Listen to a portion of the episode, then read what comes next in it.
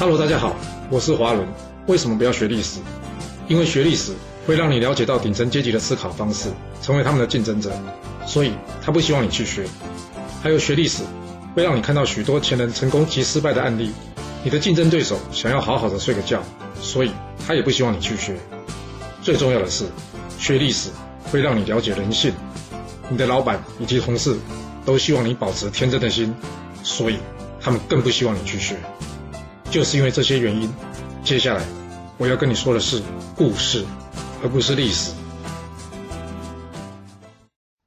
今天主题是身份一变，人就可能会变，那还能用同样的方法去沟通吗？刚刚在春秋第七十五集的故事中有讲到，这原先决定不要对抗国君，逃离到齐国这乱营啊，最后竟然又反过来决定要与齐国联手出兵攻打这晋国。哎，你说这不是很奇怪吗？栾盈原先觉得自己没有罪，所以呢不愿意出兵对抗这晋平公。但是为什么人一到齐国，整个人就变了呢？这可能啊要从两个方向去思考。第一点，从事的方面来看啊，这很可能是因为呢栾盈在晋国时候呢，他有经过仔细的评估，他认为啊单凭他在晋国的军队还不足以对抗晋国国君的军队，与其出兵对抗战败啊，还不如先暂时逃避，帮自己留个好名声。不过。要真是这样的话，他之后逃往楚国借兵的机会，应该会比逃去齐国借兵的机会大。不管怎么说，这楚晋两个是敌对国啊，但是晋跟齐两个是盟国哎，那为什么他最后决定呢是去齐国而不是去楚国呢？所以说有没有可能是第二个原因呢？也就是要从人的方面来看这个问题了。这怎么说呢？这栾盈原先在晋国算是最大的贵族了嘛，换句话说。应该是吃好用好，讲话大声，走路有风的。但来到了齐国之后，寄人篱下，连自己手下的两名猛将都被这齐庄公给抢去了。这要是对比他往日的风光，我想他难免会有些失落感吧。那为了重振往日的威风，他当然会想要与晋国一战啊，因为他必须告诉人家，他失去的东西，他一定能要回来，对不对？那问题来了，要是你是他的下属，你觉得他这个想法对吗？若依照这故事给的资料，恐怕还不足以判断胜负啊，所以很难评价。但是，若是从新余建议他要他维持初衷，不要背叛主人这点来看，新余的说法呢还算是有点道理。不过问题又来了，有道理不代表对方听得进去啊。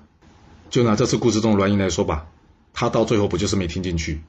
即使这新余呢以死相见，他呢仍旧不为所动，不是吗？其实啊，这又要回到我们常讲的。要说服人，要看说话的对象，而且今天还多了一条，那就是人是会变的。有的人呢，平常可能是专家型，但有的时候呢，会变成决策型，也有可能会变成梦想型。哇，怎么可能有那么多变化？没错，这也就是谈话最难掌握的地方了。因为人会变，环境会变，有的时候啊，人会变啊，很可能只是因为你一句无心的话说到他痛处。他呢，就马上失去理智，整个人一百八十度的大变化。那你想想看啊，要是一个人可以在一秒钟之内产生这么大的变化，那经过几天，或者说他的身份地位有改变，你说他会不会变？当然了，他就很有可能会改变，不是吗？那你还能用你平常对他说话的方式跟他沟通吗？这效果可能会大打折扣，你说是吧？拿这次栾盈的例子来说吧，他一开始呢，还能理性判断是否要与晋平公一战。而不是完全用公不公平啊，或者是个人感觉来决定，所以我们可以推测，他应该是属于决策型或是专家型的可能性极高。但是后来呢？后来因为寄人篱下，感觉难过，所以呢才决定要出兵返回晋国。那这时候呢，他又是偏向梦想型或是决策型的。其实这梦想型跟专家型啊，两种性格几乎是完全对立的。所以一个人身上会发生这样的事，你会不会觉得很奇怪？千万不要觉得奇怪哦。就像前面说的，时间、环境、身份不同啊，人随时有可能会改变的。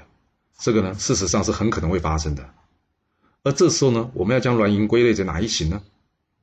这个判断的重点呢，在于时间上。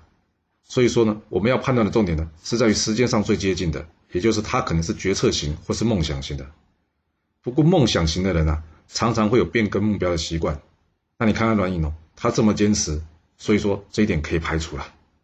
所以结论是啊，我们可以推测呢，栾盈在决策当时，他是处于决策型的状态。这决策型的人呢，通常不会想听你给他长篇大论的，尤其是啊，他已经答应齐庄公，就是他已经做了决定了，你要他反悔啊，这个脸他可丢不起啊。那这时候呢，他想知道的是，他要做这件事要用什么方式去达成，而不是要不要去做。要是我们无法提前预防到这点呢，你等到他已经答应别人，在事后说想要去说服他，这难度会变得非常非常的高啊。要跟这时候已经一头热的他来沟通啊，最好的方法恐怕是要去找一个他信任的人，或者他一直倚重的人来去说服他。他要是真的找不到，非得自己来呢，那我们要用的就不是跟他讲道理啊，而是要利用什么恐惧啊。其实古人鬼谷子啊，已经提供了我们一个很好的方向啊。他说：“以阴揭阳，施以利也。”什么意思啊？就是在下位的人想要说服上位的人，你可以利用了什么恐惧啊？那你觉得栾盈这时候最想要什么？应该是像过去一样能呼风唤雨的权位是吧？那你要告诉他的就不是什么仁义道德了，而是要告诉他说，你这么做呢，反而会失去你的权位，甚至是财富啊。比方说，简短的点出为什么一定打不赢，又或者说，这次出兵并没有说要推翻晋平公啊。假设如愿成功了，我们与齐国联手大杀晋国大臣之后，你觉得晋平公会给我们权位吗？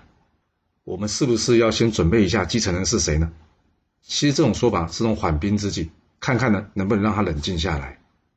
要是他没办法冷静下来，就跟他说：“好吧，就算晋明公愿意给，那晋国人才尽失，对于之后可能会来的秦国或是楚国威胁，甚至是这个齐国啊，他都有可能会攻击我们，应该如何应对啊？”你看看齐庄公这个人，他可是贪得无厌的。一旦他进入这晋国都城，会不会发生当初周平王时这申侯引犬戎入镐京，结果却赶不走这个犬戎的问题啊？那到时候如何解决啊？这些都是可以威胁到他权位的话，这些话他才有可能听得下去啊。要是他已经有所迟疑呢，我们就可以抓准时机，告诉他暂时隐忍，或者是呢转向在这齐国谋个一官半职。之后呢，可能可以向世会，世会曾经在秦国服务嘛，最后还是回到晋国嘛，这样子才有可能真正保住权位，而不至于身败名裂、两头落空嘛。若无法从权位这一点直接让他产生心理上的恐惧啊，我想是很难打消他原来的念头的。只有将他这个念头哦先给打消掉之后，后面才有可能跟他讲道理的机会了。不过我们在这里哦，非常不建议去学这个新语啊，因为他随随便便就牺牲了自己的生命了。可能古代人觉得这样子很忠心吧，但我个人觉得，就算你真的很爱一个人呢，怎么劝都劝不住他，至少你可以成为他将来失败时候的避风港，也是一种不错的答案，不是吗？若是轻易的就死，那你能对他有什么帮助呢？我们不见得能说服每个人呢，但要说道理给人家听的前提啊，还是对方必须得听得下去，你说是吧？若是你有其他的想法，也欢迎留言分享你的看法给大家哦。好了，我们今天先说到这。如果你就是不听我的劝，想知道完整版的故事内容，你可以从说明栏找到我爱故事频道的连结。不过记住哦，你是来听故事的，而不是来学历史的。要是您喜欢这个频道，麻烦您动动您的手指，追踪、留言，或是给我五星评价的支持以及分享。谢谢您来收听，我们下次再见。